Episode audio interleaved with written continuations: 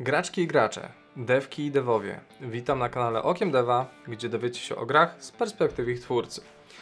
W serii Tydzień w grach omawiam szybkie podsumowanie najciekawszych znalezisk okołogrowych z tego tygodnia, zwiastuny gier, które przyciągnęły moją uwagę i przedstawiam Wam moje autorskie artykuły. Wszystkie linki znajdziecie w opisie, a więc zaczynamy. W 14 odcinku tygodnia e, omawiam nowy PS Plus od Sony, czyli ichże e, Game Pass, e, problemy Microsoftu z nabyciem Activision Blizzard oraz nową iterację silnika Unreal Engine. E, to już będzie piąta iteracja i robi się tutaj naprawdę ciekawie. Poza tym sporo innych interesujących materiałów, historie z okopów, tworzenia gier oraz solidna piguła wiedzy. Na początek jednak zapowiedzi gier.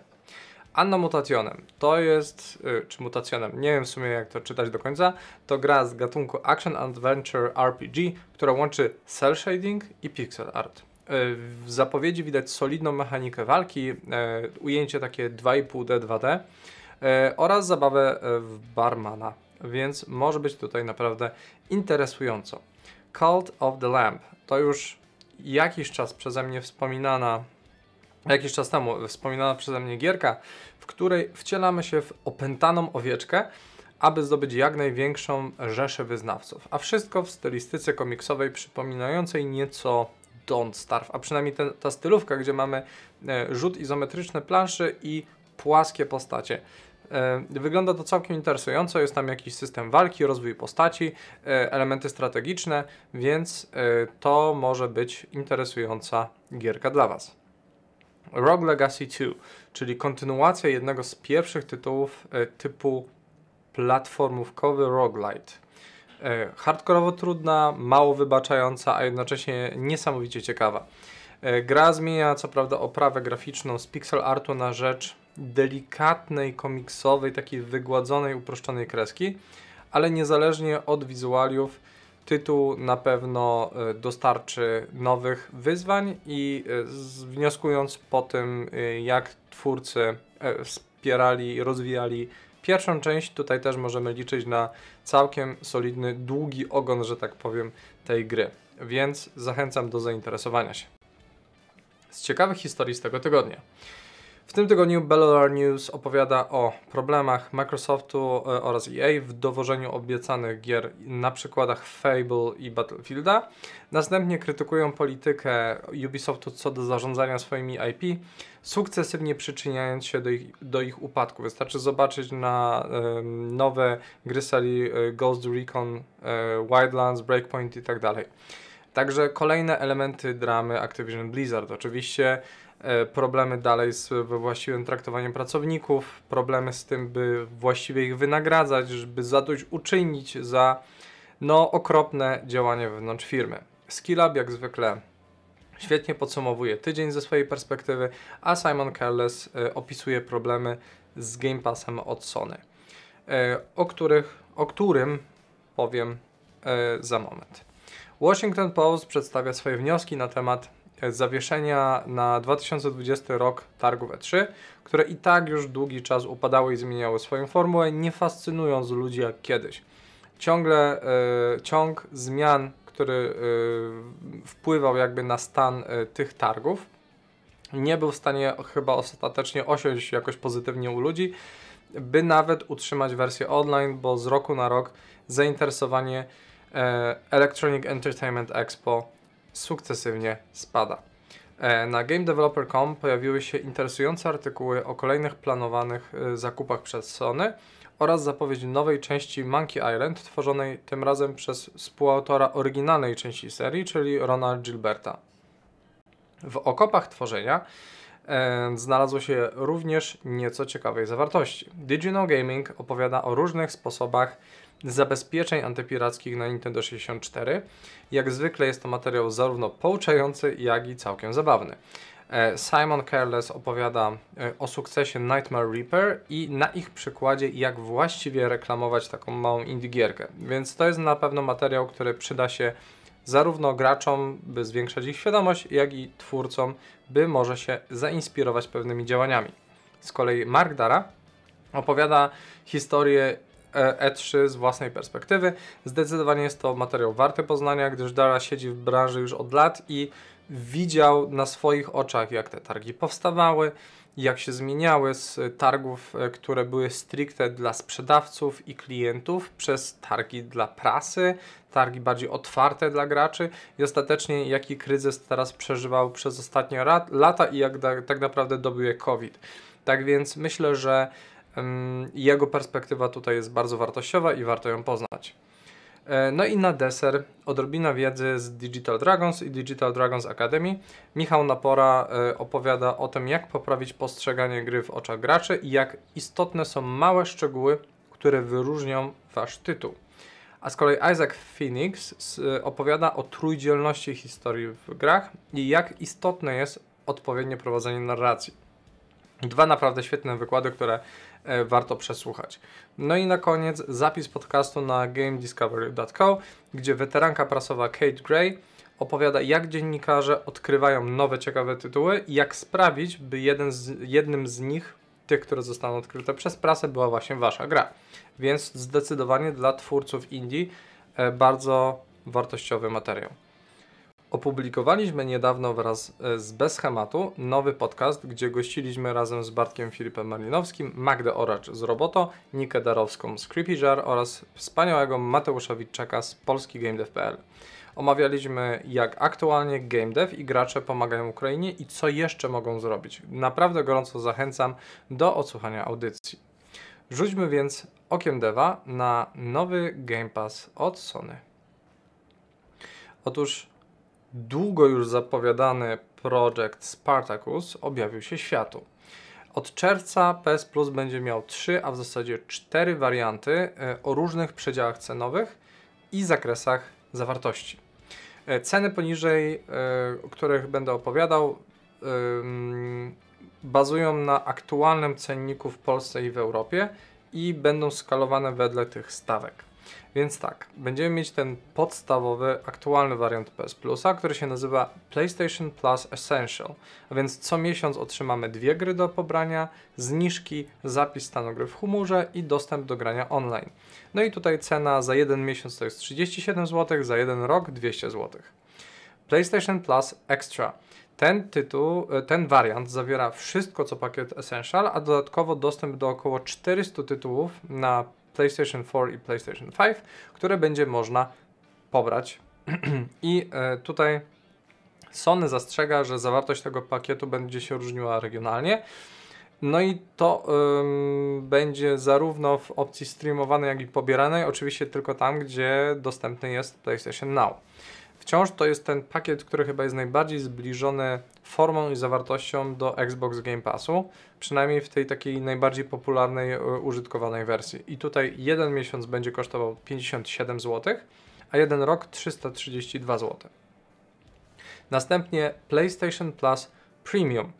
E, ten wariant zawiera wszystko to, co poprzednie pakiety, a dodatkowo dostęp do około 340 dodatkowych tytułów z PlayStation 3 przez streaming i to tylko przez streaming oraz y, gry z PlayStation 1, PlayStation 2, PSP, PS Vita dostępne w formie do pobrania i przez streaming. No tutaj akurat już y, częściowo to wszystko jest dostępne, bo możemy sobie pobierać te gry, kupować tak naprawdę na zasadzie wstecznej kompatybilności jako właśnie tytuły emulowane.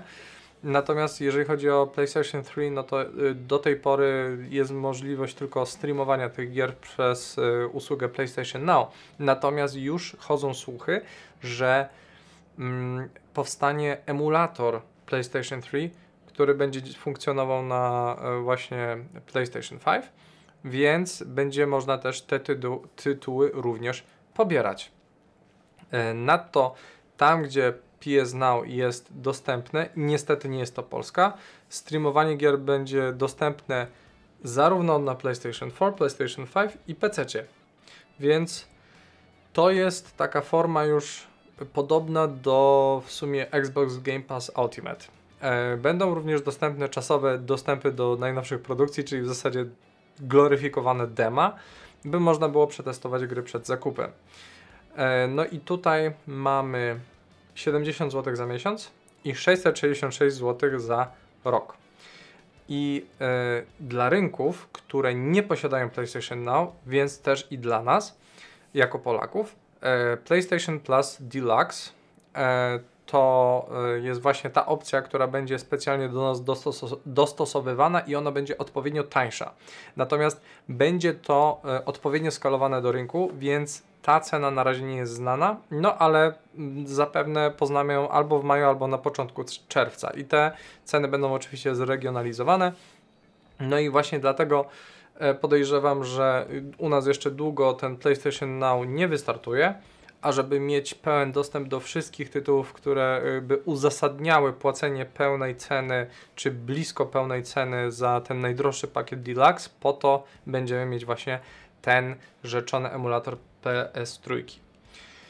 I cóż, yy, growe media obiegło już opinia, że PlayStation nieudolnie próbuje naśladować Xbox Game Passa i patrząc na te ceny oraz skład pakietów, absolutnie tak nie jest moim zdaniem.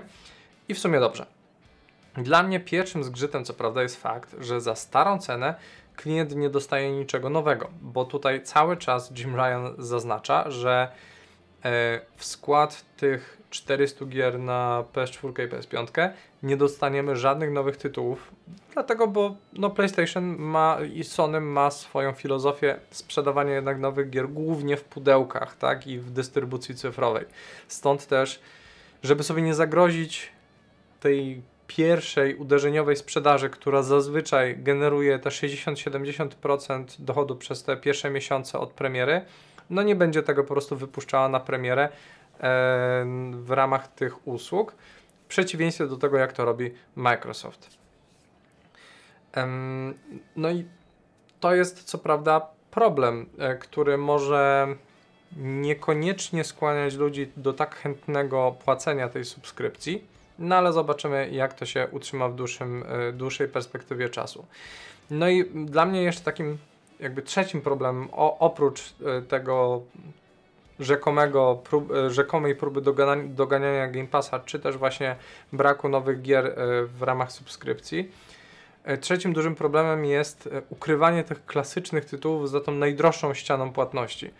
Ja szczerze powiedziawszy bardziej bym docenił modularną strukturę tych subskrypcji, gdzie mamy na przykład 4 bądź do 6 opcji do kupienia różnych rzeczy, bo nie każdego interesuje to samo. Szczerze powiedziawszy, ja y, same te najnowsze tytuły i tak kupuję wtedy po prostu, kiedy mam zamiar je grać, więc czasami kupuję na premierę, czasami je kupuję nawet rok po premierze. Natomiast chętnie bym sobie pograł w y, gry z drugiego PlayStation, gdyż mam do tej konsoli chyba największy sentyment. No i chętnie bym dopłacił te kilkanaście złotych tylko za ten pakiet gier do pobrania. No ale cóż, tutaj e, no i tak mamy te trzy poziomy. Mamy też to, że e, kupując e, subskrypcję w pakiecie mamy jakby pakiet ten trzymiesięczny bądź też bądź też całoroczny tańszy niż gdybyśmy kupowali i płacili e, za ten abonament e, z miesiąca na miesiąc, czego Game Pass nie ma. Więc tutaj no, trzeba sobie to przeliczyć, że no, wyjdzie nam to po prostu bardziej opłacalnie. Zobaczymy natomiast, jak popularne będą te e, trzy etapy i jak tutaj ludzie podejdą do tego modelu subskrypcyjnego i być może Sony wtedy zmieni y, filozofię w momencie, kiedy będzie odpowiedni odzew rynku, no bo wiadomo, że to wszystko jest biznes, więc tak naprawdę klienci decydują tutaj portfelami. Faktem jest, że może gier y, tutaj jest mniej niż w y, Xbox Game Pass, a brak, brak streamingu, zwłaszcza u nas, będzie bolesny. E, przez co nie będziemy mogli zainstalować wszystkich tytułów na konsoli lokalnie. Natomiast ciekawym sygnałem jest to, że PlayStation Now stopniowo powiększa te zasięgi i być może w końcu też trafi do nas, żeby właśnie, żebyśmy mogli, mogli, musieli płacić pełną stawkę za ten najdroższy pakiet. Um, dziwi mnie to, że Sony nie reklamuje jednak tego modelu, gdzie w części przynajmniej gier, zwłaszcza jeżeli chodzi o PlayStation Now, nie potrzebują konsoli w ogóle, bo większość telewizorów nowej generacji Sony Bravia potrafi obsługiwać PlayStation Now bez konieczności posiadania konsoli. bądź też możemy je odtwarzać na PC. Więc tutaj dziwi mnie to, że Sony nie czyni z tego kolejnego jakby argumentu do tego, żeby właśnie płacić tą usługę. Być może właśnie y, zmiana tych pakietów skłoni Sony do tego, żeby bardziej tą usługę reklamować. Trzeba też zauważyć, że y, zestaw teraz w tym momencie PlayStation Now i PlayStation Plus rocznie kosztuje około 120 euro. A teraz dokładnie ten sam status, czyli właśnie ten środkowy tier e, gier, tak? Środkowy czy ten ostatni? Przepraszam, muszę sprawdzić. Tak, tak. Ten środkowy będzie za 100 euro, tak? Czyli generalnie ludzie, którzy teraz płacą właśnie za obie usługi, będą mieli je w pakiecie taniej. To też najprawdopodobniej spowoduje to naturalne przejście klienteli, których jest kilka milionów, na ten model subskrypcyjny, co z miejsca jakby, e, a dodatkowo właśnie to, że to jest pakiet tańszy, e, e, może skłonić tych, którzy płacą podstawowego PS Plusa do tego, żeby przejść właśnie na wyższy pakiet. Może też tak będzie. No zobaczymy tutaj, jak ludzie właśnie zareagują. Porównując najdroższy pakiet z roczną ceną pakietu Xbox Game Pass Ultimate, który pozwala na granie na PC, e, właśnie PlayStation Now Premium, czyli ten na, najwyższy tier, też wychodzi nieco taniej, więc tutaj jakby cenowo trochę Sony może ugrać sprawę, natomiast no dalej tą największą bolączką jest brak właśnie premier. Ostatecznie ten pakiet ekstra właśnie wydaje się najlepiej zbalansowaną opcją, wpisuje się w tą filozofię Sony, wydaje się być najbardziej uzasadniony, chociaż w mojej opinii jest trochę za drogi. Powinien być tak z 10-15% tańszy. Zwłaszcza, że nie mamy premier na start. Z pewnością przekona aktualnych użytkowników PlayStation Now i PlayStation Plus, być może przyciągnie nowych z czasem. Jest to kolejny krok Sony właśnie w stronę poszerzania rynku subskrypcyjnego i gier jako serwisu, co e, przebija przez właśnie te wszystkie komunikaty włodarzy firmy, zwłaszcza tutaj słychać Jima Ryana w tej kwestii.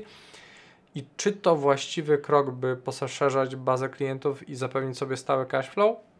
No, mówię, tutaj czas pokaże i decyzje klientów w tym zakresie również.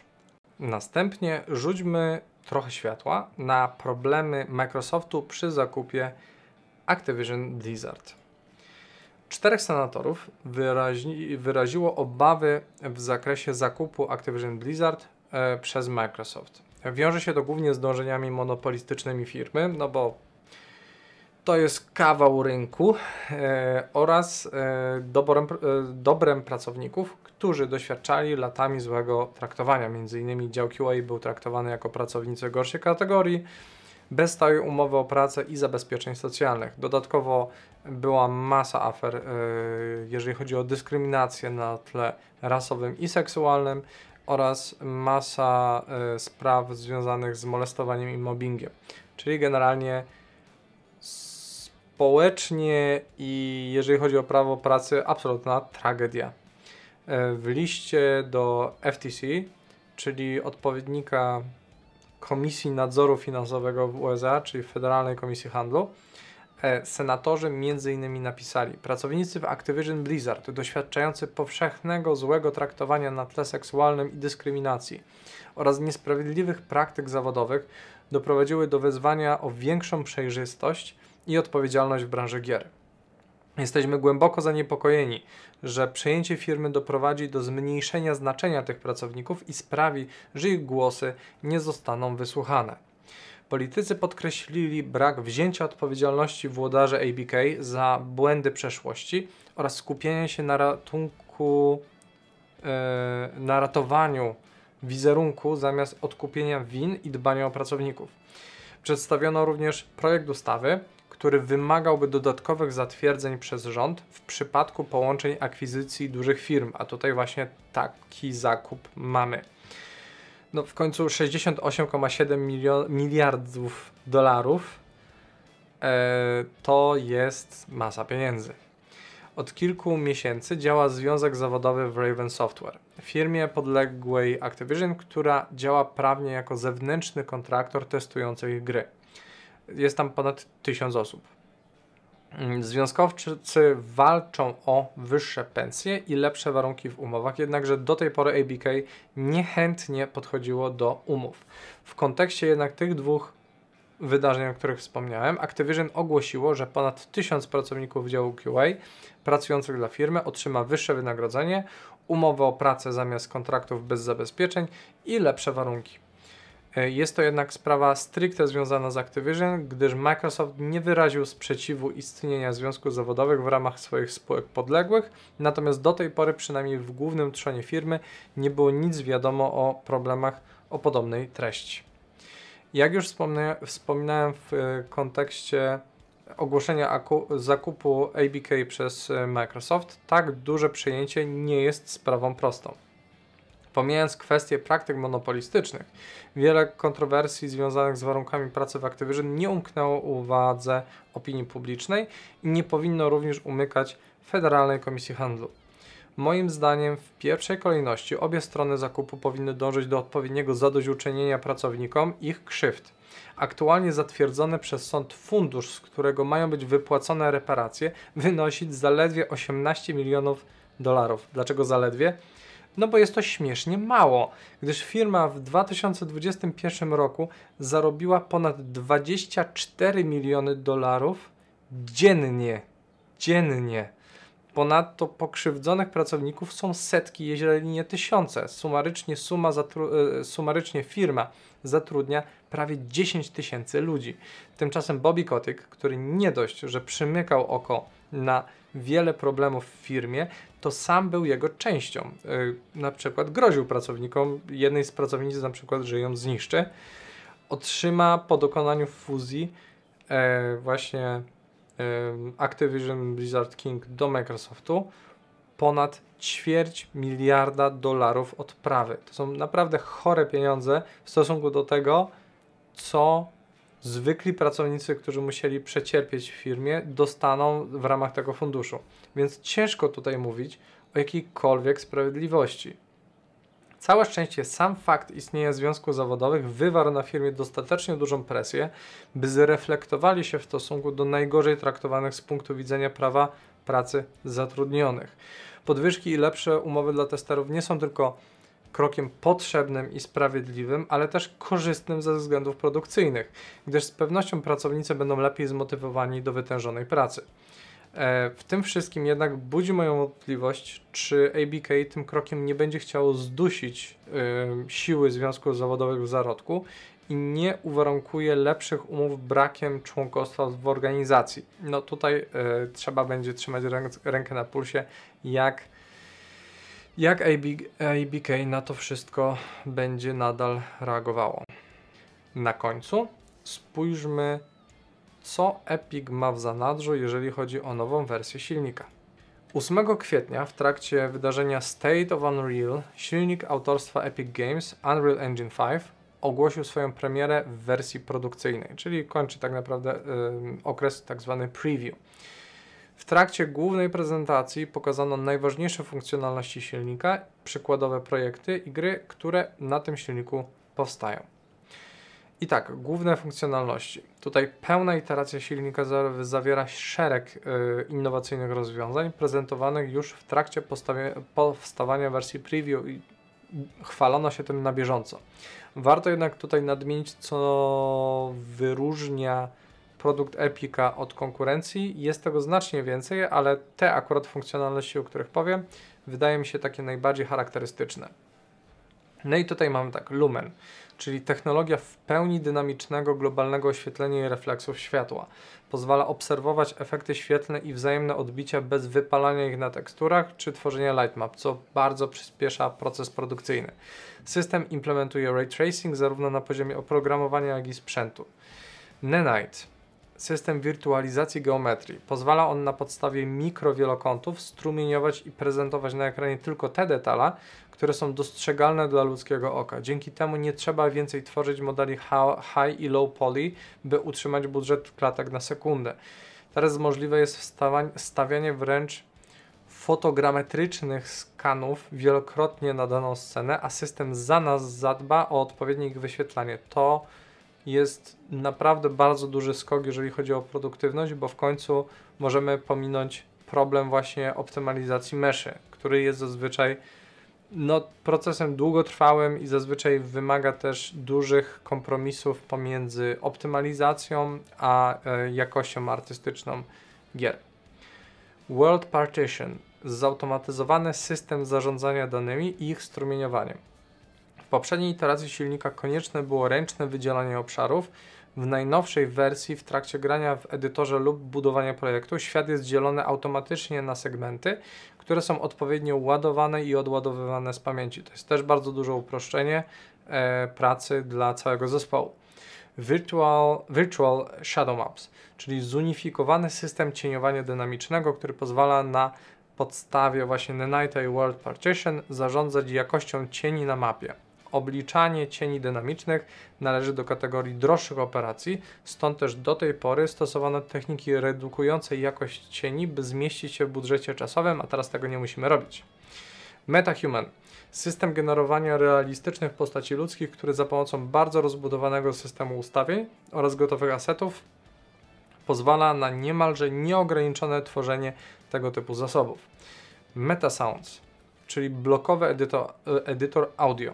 Tak jak w przypadku logiki, animacji czy materiałów, możliwe teraz jest graficzne skryptowanie warstwy audio w grze, co jest też niesamowitym osiągnięciem e, i też ułatwieniem dla artystów dźwiękowych. Mass AI e, to jest akurat mój osobisty konik. System zarządzania logiką aktorów w grze zorientowany na dane, czyli ECS. E, pozwala na wydajne zarządzanie dużymi grupami jednostek na zasadzie architektury właśnie Entity Component System. Dzięki temu możemy w bardzo niskim budżecie czasowym zmieścić logikę setek czy też tysięcy jednostek. To jest naprawdę fascynujące, jak to może działać i jakie może mieć zastosowania. Temporal Super Resolution powstał na potrzeby Nanite'a i innych nowych funkcji wizualnych, by dopasować podbijanie rozdzielczości oraz wygładzanie ekranu. Pozwala to również zredukować koszt renderowania klatki, chcąc uzyskać obraz chociażby w 4K. Control Rig, IK Rig, IK Retargeter, czyli nowe systemy do proceduralnego i ręcznego tworzenia animacji i sekwencji w silniku. Do tej pory duża część pracy animatorów polega, polegała na korzystaniu z zewnętrznych narzędzi. Teraz możliwe będzie tworzenie animacji bezpośrednio w silniku, co ułatwi przykładowo podmianę szkieletu, czy też modelu, na którym bazowano e, i opierano podstawową animację, czy tam daną animację. Chaos Physics ten system do obliczenia zjawisk fizycznych istniał już jako wersja eksperymentalna dla Unreal Engine 4, natomiast teraz jest domyślną biblioteką obliczeniową, e, biblioteką symulowania destrukcji, systemu jazdy samochodów czy też symulowania ciał miękkich. Common UI jest kompletnie nowym systemem do tworzenia interfejsu użytkownika, który tworzony raz będzie mógł zostać obsłużony na wielu platformach, co też bardzo ułatwia pracę. Zawiera masę usprawnień w zakresie obsługi inputu, m.in. zmiany urządzeń sterujących i reagowanie na to wydarzenie w locie. To też zazwyczaj jest dużym problemem, tak technicznie rzecz biorąc, ze strony programistycznej, żeby ładnie podmieniać grafiki, gdy na przykład przestawiamy się ze sterowania myszy i klawiatury napada. Teraz będziemy mieli to naprawdę bardzo ułatwione. Następnie mamy cały zestaw narzędzi dla społeczności. No dalej Unreal Engine 5 będzie e, tak jak czwórka e, silnikiem z ogólnodostępnym kodem. Ponadto nowa wersja ich strony społeczności otrzymuje szereg nowych narzędzi, by jeszcze łatwiej tworzyć dokumentację, tutoriale i bazę wiedzy. Już w tym momencie powstają pierwsze przykładowe projekty, pojedyncze mechaniki i poradniki. Przykładowe projekty. Epic, by ułatwić start w procesie produkcyjnym, udostępniło dwa przykładowe projekty ze wszystkimi asetami Lyra oraz The City. Lyra jest wzorcową, prostą grą multiplayer z widokiem z trzeciej osoby, który ułatwi tworzenie struktury sieciowej i nauki podstawowych elementów związanych z budowaniem świata, programowaniem, grafiką 3D i efektami specjalnymi. Projekt będzie stale rozwijany i aktualizowany wraz z nowymi funkcjonalnościami silnika.